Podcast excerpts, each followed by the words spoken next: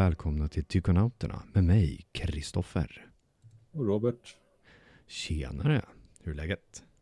Nej, men det funkar väl. Som sagt, det hamnade i sån här dipp. Så att fick jag avbryta uh, uppkörningen och sånt där. Så att, ja. Jo, men det är alltså sant. Ja. Att man sätter stopp. Ja, nej, jag kände att det blev lite för mycket. Mm. Jag får se när jag tar upp det igen då. Men, nej, men, det, men det värmen är lite jobbig nu dock. Men ja. Jo. Annars så, ja. Det går bra. Men snart är det höst och rusk. Åh, tack. Mm -hmm. Längtar så sjukt mycket till hösten. Det är, jag tror det är hov... Vin... Hmm. Vår och höst. Våren är lite trixig med. Vintern är nästan min favorit. Alltså beror på. Men hösten är, ja, höst och, vår, eller höst och vinter är typ mina favoritperioder för då börjar det bli lite kallare. Alla vinter är ju kallt. Men... Jag tycker det är jätteskönt och det är mörkt. Mm. Ja, hösten, ja, nej, ja, jo. Och sen så, vi umgicks ju i um, min hemstad där. Så var jag förbi två veckor. Hemstad? Vi, jajamän. Ser ett Bålsta en stad? Ja, det är väl, jo det börjar väl ändå bli en stad. De bygger ju som attans där ute. Ja, tyvärr. Fy fan. Mm. Det är inte okej okay, alltså. Eh, ja, det är så mycket skog som försvinner, jag fattar ingenting. Jag bara, nej. Ja, ja, ja. Ja, ja. Mm, jo, jo men vi var ju till um, ett gravfält och gjorde en mm. liten utredning. Så det var ju fantastiskt kul. Ja, vi använde ju oss av, um, oj, Riks, vad heter den? ja. Webbsida där man kan kolla efter uh, fornlämningar och sånt. Ja, väldigt bra faktiskt. Mm. Ja, du, lägger upp, du lägger väl upp den? Uh, Någon gång när jag blir klar. Ja. ja. Ja men det var skitcoolt att se. Så hittar vi mm. bara ställe, men där, där är det vettigt. Eh, jag kände att det var lite spooky där, men du kände väl kanske inte lika mycket? Mm. Man är på plats och så tänker alltså, det känns så här, ja, jag förstår att man kan tycka att det är spooky med tanke på, man vet man visste att okay, det här har varit en gravplats. Eller kanske en, nej men jag tror inte, jag tror det har grävt ut. När det är gravplatser så brukar man gräva upp dem och begrava någon annanstans. Men att det, det har varit en gravplats och men det var lite, vad ska man säga, instängt mm. på ett sätt. Fast det var så öppet, det var så öppet men ändå instängt. så att det jag förstår att man kan tycka att det är lite spooky, men jag vet inte. Jag, jag tror mest att om jag skulle tycka det så var det på grund av att jag visste redan att ah, men det här var en gravplats och lite hur placeringen var på alla hur layouten på stället och sånt där, så jag vet inte. Men mm. det var men det var lite, det var, jo, det var, det var en liten, alltså, ja, det var lite annorlunda, vad ska man säga, annan energi kanske. Det var, det kändes ändå lite som när man kom in dit så, inte vägg heller, men ja, men det kanske, ja, men det är som att man gick in i ett annat rum kanske, alltså mm -hmm. typ mhm. ett instängt rum. Jag kan också jag. avslöja att uh, efter att vi hade varit där så var det ju någonting som följde efter. Jaha. Mm. Man katten var lite mongo ibland. nu, alltså, det var bara någonting jätteskumt bara efteråt. Ja, nu när du säger det, för att han var lite, Shiro, han var lite, jag tror att, för jag kommer inte ihåg, det var, men det var strax efter vi, vi hade varit där. Han, han var lite konstig på kvällarna, alltså konstig, men han är fortfarande katt, ja, typ nästan kattunge, men han kollade mycket åt så här sidor. Han, han gillar busen, men han, han fokuserar så mycket på helt andra grejer. Alltså det, de är mycket i fokus nu i den här åldern också, men det var, han hörde ju saker och såg saker som så här, men okej. Okay. Och det var bara då, typ två, alltså man kan säga max tre dagar efter. Ja, samma. De dagarna så var han verkligen så här helt annorlunda. Inte annorlunda, men ja, han betedde sig inte som man brukar när han busar och sånt där. Och sen, för, sen nu, han, nu gör inte han så länge, så jag vet inte. Mm. Sen sa ju du att det var ju någonting. Jo, jag kommer ta upp det mer i videon sen, men ja. det hände ganska skumma grejer. Mm. Och lite svårt att sova, men Jaha. jag kommer ta upp det sen. Men jag tänkte att vi skulle röra oss över till huvudämnet som handlar mm. om kannibalism. Mm. Och kannibalism i sig, för mig, är ju otroligt skrämmande. En när du är i en utsatt situation. Att du pressas till att om inte jag äter den här människan så kommer jag svälta ihjäl. Mm. Och sen finns det en andra kategorin en person som gillar att äta människor. Som tycker att det är en, det är en bra idé. Och sen finns det ju självklart en tredje då, det är mer rituella. Om det är någon stam som har någon Oj. form av, jag ska äta typ en familjemedlem så att jag tar med mig den personen medan jag lever. Ja, de äter ju krigare från andra stammar också. Mm. Eh, Och, ehm, och det sägs ju då att, inte för alla, men jag vet att det sägs att det, jag vet inte vad de exakt gör, men de äter upp dem sen. Krigen som eh, fångar den här personen då äter upp han sen och delar med familjen, tror jag, sånt där, bara för att det är ett sätt att hedra och ja, de får mer krafter. Sen beror det på om man äter också hjärtat och ja, allt det här. Så att, jo, ja, men det är ju en sak med stammar. Att det, är- Kul för hela familjen. ja, Undrar om det fungerar. ja, I deras fantasi kanske. ja. Det finns ju filmer och serier med just det här temat. Och Mm. Ett exempel är ju När lammen tystnar från 91. Just det. Men den finns även som en serie eh, som också är riktigt jäkla bra. Den är från 2013 med eh, Mads Mikkelsen. Har du sett eh, serien? Såg första säsongen. Den heter väl, heter den bara Hannibal Lecter? Nej, jo, hette inte så, serien. Jag tror att den bara Nej. heter Hannibal. Hannibal, så var det, ja, just det. Nej, jag såg bara första säsongen. Eh, sen kom jag aldrig in, jag vet inte. Sen kom säsong två, jag tror det finns säsong tre också, men jag vet inte, det var... Jag tog aldrig upp säsong två. Mm. Jag, vet, jag minns inte varför, men jag gillade första säsongen faktiskt. Det var riktigt bra. Det är riktigt bra skådis. Mhm. Mads. Och han som är, ja, med, eh, an, jag vet inte, prota- protagonisten är också väldigt bra. Kommer inte ihåg vad han Mm. I de här eh, filmerna och serierna så porträtteras ju kannibalen som en intelligent och uppfostrad artig person. Men kontrasten blir ju skrämmande då den här personen saknar grundläggande empati för mänskligheten. Utan vandrande maträtter, det blir som en jakt.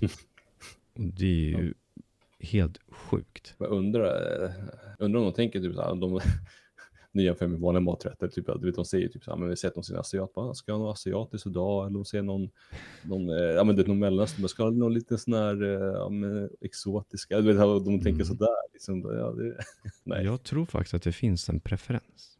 Det tror jag. Jo, ja, jo, men det sa inte han, om det kanske går för långt fram, men han, den här japanska kannibalen. Jag för mig att han hade en preferens. Ja, jag kommer Jag ta upp inte. det lite senare, Ja. men du har ju rätt i det att han Mm. hade en preferens. Mm. Något som smakar godare. Fan alltså. Han heter ju då Issei Sagawa och han föddes i Japan. Han började att fantisera om att äta mänskligt kött redan när han var sex år gammal. Så att eh, det är intressant, för när jag var sex år gammal så tänkte jag mest på dinosaurier och sånt. Han var redan inne på något sånt där sjukt. Och det är ju, många barn och sånt hamnar ju i faser. Typ rymden, dinosaurier. Men den här äh, grejen var inte en fas, utan det här höll i sig. Mm. Ända tills han blev eh, 23, då han ville agera ut den här fantasin. Och då bröt han sig in i en Tokyo-lägenhet och eh, ville då äta upp en ung tysk kvinna. Men hon vaknade av eh, när han tog sig in i den här lägenheten och kunde själv övermanna honom. Så jag antar väl att han inte var så här storväxt. Ja, nej, nej man, ser det finns bilder och han, han är ju alltid, för det vet jag att han, han jag vill säga att han föddes med någon sån här, inte växtfel, men han är, han är verkligen en lit, av liten statyr. Alltså han är, han är smal, han är kort, han är, Mm, just precis. ja exakt, så att det är ju, så att han är inte, ja, han var ju tvungen att, han blev, han blev lätt övermannad kan man säga. Mm.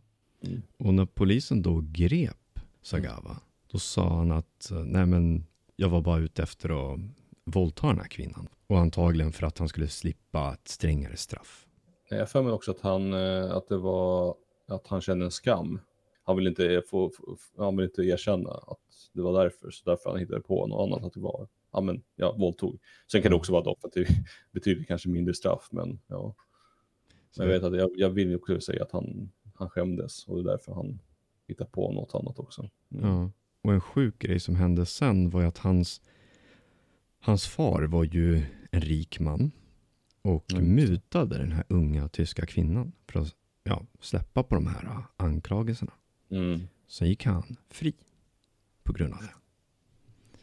Så det känns ju lite konstigt. Jag vet inte om han hade berättat för sin pappa kanske att nej men jag gjorde ett misstag. Mm. Och så, så tänkte han så här, men då kan vi fixa det här.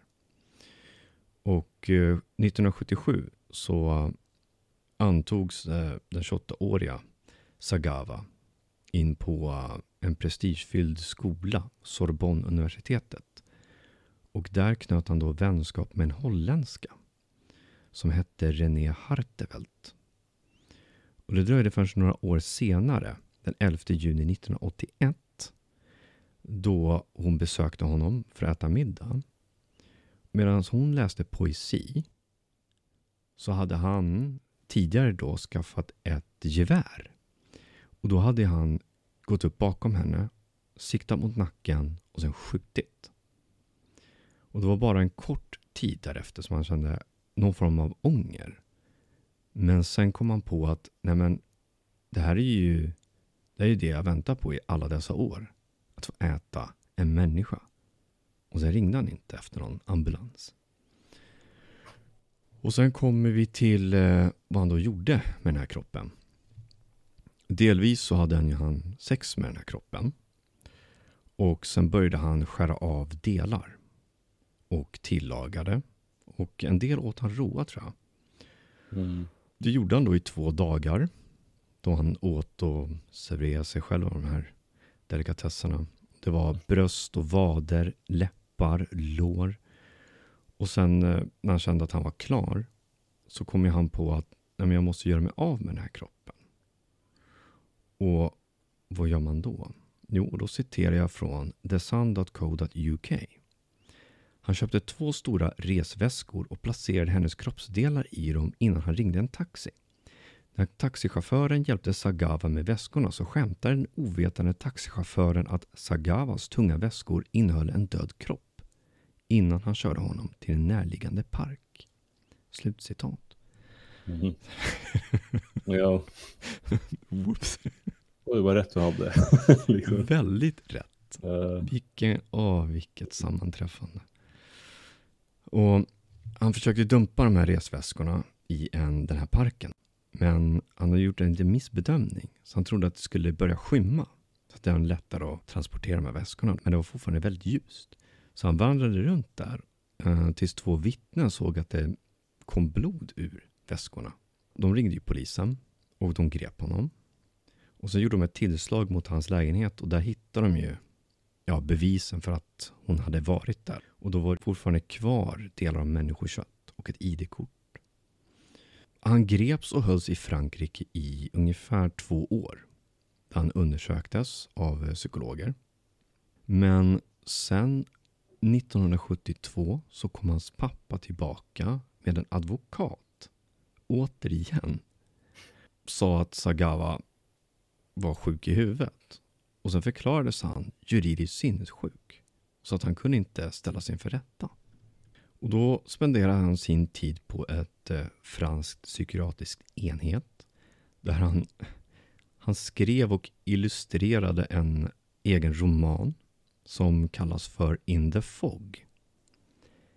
Och den historien handlar då om en mördad kvinna och en man då som våldtar liket och äter bitar av hennes kött.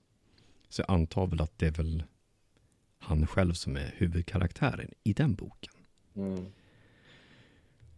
Och sen 85 så blev det en folkstorm då det läckte ut eh, brottsplatsbilder till en tidning. Och på grund av det så deporterades han tillbaka till Japan. Nu kommer ju den absolut... Jag vet inte om man ska kalla det för någon haveri inom rättssystemet. För i Japan så fastställde läkarna att han hade en störning men inte tillräckligt för att undgå att bli straffad i domstol. Och de franska myndigheterna ville inte hjälpa till i det japanska åtalet så Sagawa blev friad 1986. Och inte nog med det så blev han även känd i Japan och fick vara med i en pornografisk film där han fick rollen som en kannibal. Alltså det är en sån otrolig, jag vet inte vad, det är en skandal. Ja, men eh, det är som nu, är ett, eh, allt för klicks. Ja, det, och idag lever han ju ett vanligt liv i Tokyo. Skriver böcker, restaurangrecensioner, matlagningsprogram. Bara som en så här slutkläm. Och det är citat från thesun.co.uk. Sagawa hävdade också att vara kannibal var helt enkelt en fetisch.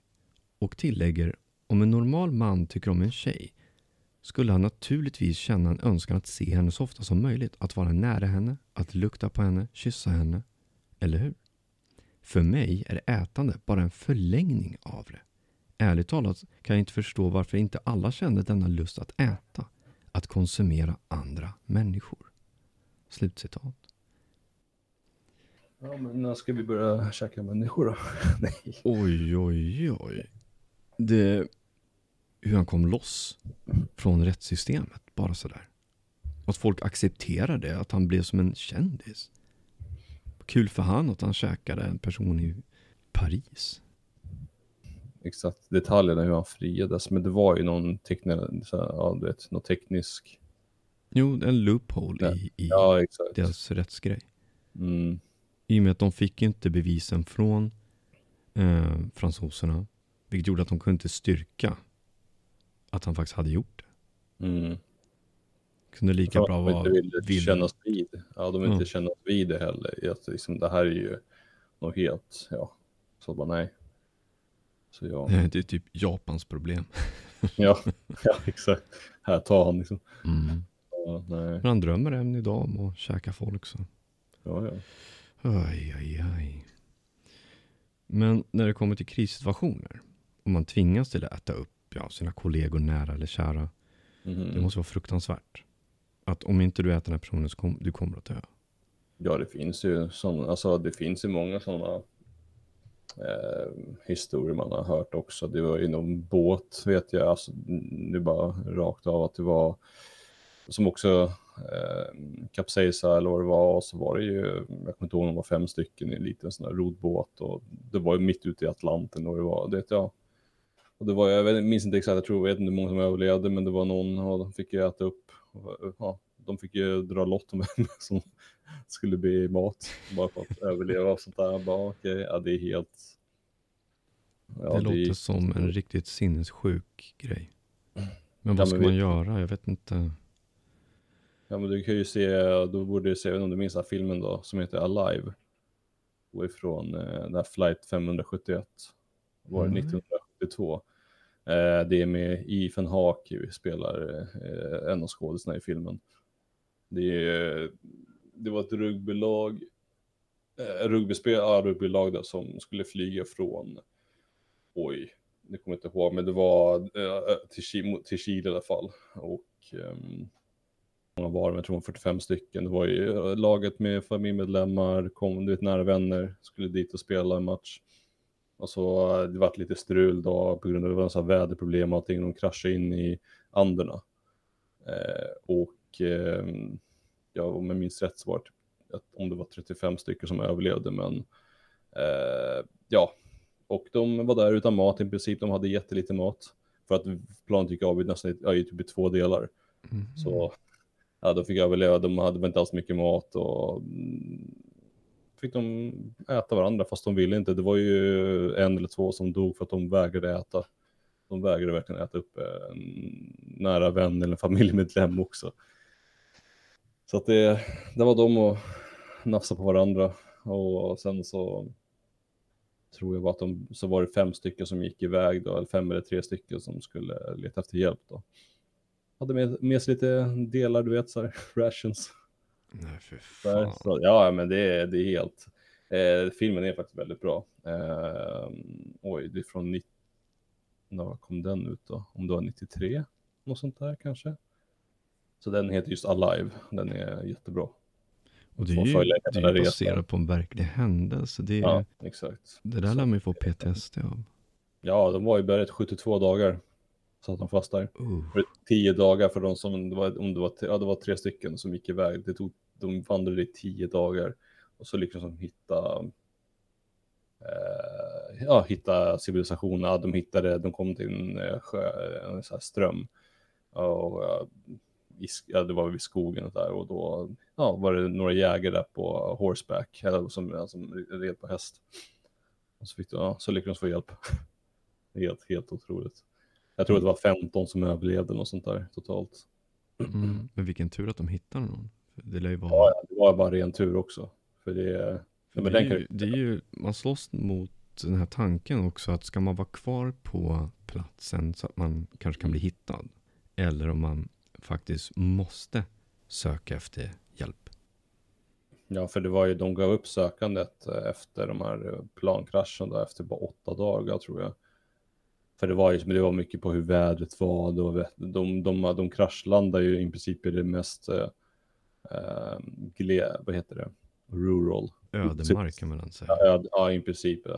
Så att, äh, och de, hade, de såg ju plan och, som flög förbi och de skulle leta efter dem, men de hade ju, planet var ju bäckvit, alltså var ju vit och äh, snö, vitt på snö, du vet. Det, mm. Så de försökte skriva så här SOS med läppstift men eh, de kunde inte göra tillräckligt stora bokstäver. så att det var så hopp. Men det är en eh, fascinerande historia, eller en händelse faktiskt. Och verkligen, jag kan rekommendera filmen Alive. Det var länge sedan, jag kanske ska se om den. Mm. Men det finns några fall i Sverige med kannibalism. Ja, oj. Och den, jag tror att den senaste är 2010. What? Mm. Och det var en man vid namn Isakin Jonsson i Skara.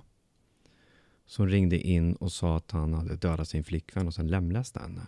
Och sen kom det fram att han ja, hade fallit för sin fantasi att äta människor. Och i hans lägenhet så hittar man just så här inspirerande material. Aha. Um, som handlar då om andra kannibalmördare. I Karlstad, eh, Värmland, så var det en 28-årig pappersbrukare som dödade sin gravida flickvän med en yxa och styckade henne och åt del av hennes kropp som smörgåspålägg. Alltså. Ja. Herregud. Det är sjuk jävel det där. Men hur, hur, hur kan man komma ifund med att vilja äta en människa? Alltså det måste vara någonting som är medfött, fast nej. Alltså är det, kan, man, kan man verkligen säga att det är något psykiskt? Alltså det är ju... Ja, någonting måste det ju vara för att jag menar mm. Sagawa hade det sedan han var sex år gammal. Eftersom vi människor har ju förmodligen varit kannibaler sen, du vet, vi var, ja men, cavemen så att säga, grottmänniskor. Mm.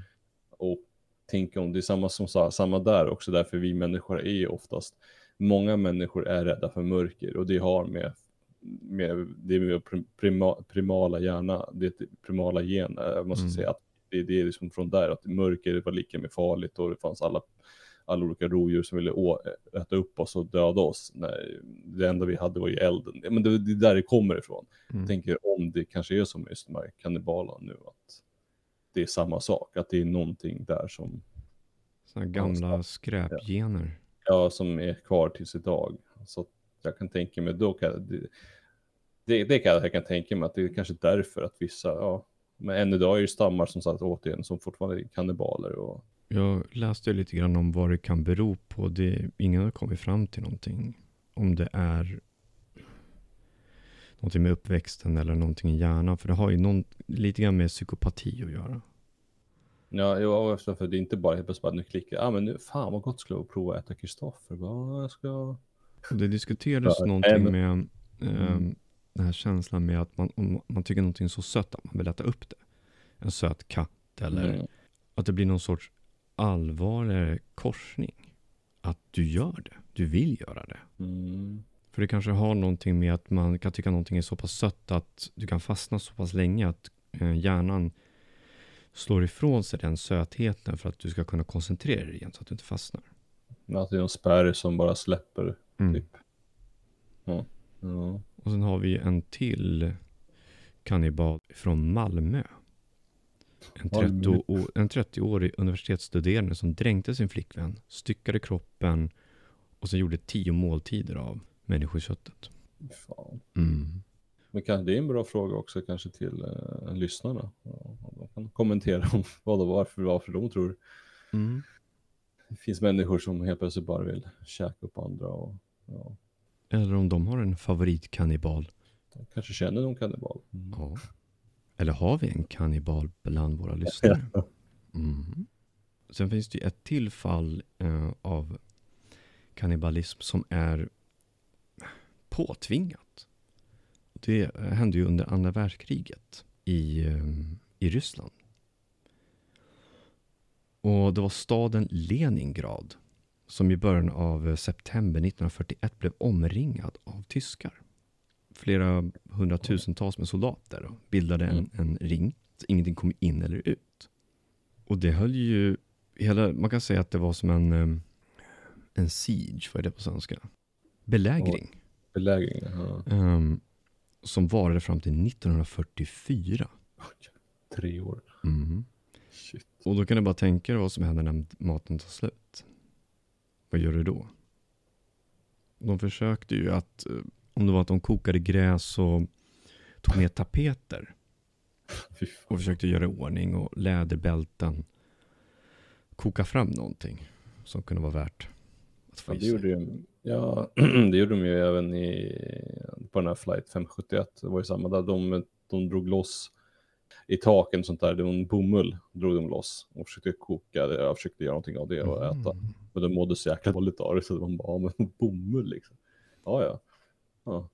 Ja, sen får man ju tänka att vissa saker som du äter, det kanske blir, um, det hamnar minus energimässigt. Det tar Mm. längre tid för din kropp att processera det än att få nytta av det, Mm. så att säga. Den sovjetiska hemliga polisen, NKVD, eh, det var de som var satta på att leta reda på kannibaler i Leningrad. Även fast det fanns nazister runt omkring som ville ja, döda dem. Mm. Och tyskarna märkte att eh, det var inte bara att hundarna också svalt, utan de försvann mystiskt. Familjerna där i städerna dödade sina egna husdjur. Därifrån kom det en eh, populär skräckhistoria som inkluderar en kvinna som dödade sitt eget barn för att mata sina andra. Över 2000 ryssar greps för att ha ätit eller gjort dumma saker med människor. Mm. Man kan säga att NKVD hade två olika straff som baserades på att om en person åt en människa som redan var död så fick de fängelse. Men om de dödade en annan människa på plats och sen började äta, då sköts de ihjäl. Ja. Vilket innebar att man kunde inte ens säga att nej men jag har inte gjort någonting. Alltså misstänkte de någonting eller såg någonting, då dog det. Eller skickas till fängelse. Mm. Man hittade ju lite dagböcker inifrån Leningrad. En tonåring skrev, eh, jag håller på att bli ett djur. Det finns ingen värre känsla än alla tankarna kretsar kring mat. En kvinna skrev, eh, hon försökte ta ut barnen från hemmet ehm, för att grannarna hade vänt sig till eh, kannibalism. Men då sa de att de inte ville lämna deras råa kött. Och då tolkar jag det då som att de tänkte då äta barnen. Mm. Det visar att kannibalismen var så mycket ett faktum i vardagen att föräldrarna fruktade att deras barn skulle bli uppätna om det släpptes ut efter mörkrets inbrott. Nya dokument visar att statspolisen skapade en hel division för att bekämpa kannibaler. så då måste jag ha gömt sig någonstans i buskagen och väntat. Shit. Plockat någon som kanske inte orkade slå tillbaka. Att det gick så långt att skapa en, en, en, en resurser för en enhet som ska jaga kannibaler. Ja. Det som jag läste då var civilianmilitaryintelligencegroup.com. De här breven, eh, eller dagböckerna var från allthat'sinteresting.com. Vet du vad Robert? Ja, ja, ja, nej, ja, en rekommendation till på film. Eh, fuck. Uh, kan... nej men vänta, fick bli hjärnslätad nu. Nej, vänta, jag måste, jag måste, vänta. Cannibal Holocaust. Cannibal Holocaust. Tror det var den, 1980, du vet. Mm, jag känner igen den jättemycket. Ja men det, ja, det blev bannad lite överallt och sånt där för den var lite rå. Mm. Den kan jag rekommendera. Se den, säger Robert. ej känsliga tittare. Men ja, tiden Mm. har gått. Den har blivit uppäten av eh, Sagawa. Tack för att ni har lyssnat. Om ni vill nå oss, gör det gärna via Instagram eller via e-post. Eh, Tyckonauterna.gmail.com mm. Så hörs vi av nästa vecka. Ha det så bra så länge. Hej då. Hej då. Hej då.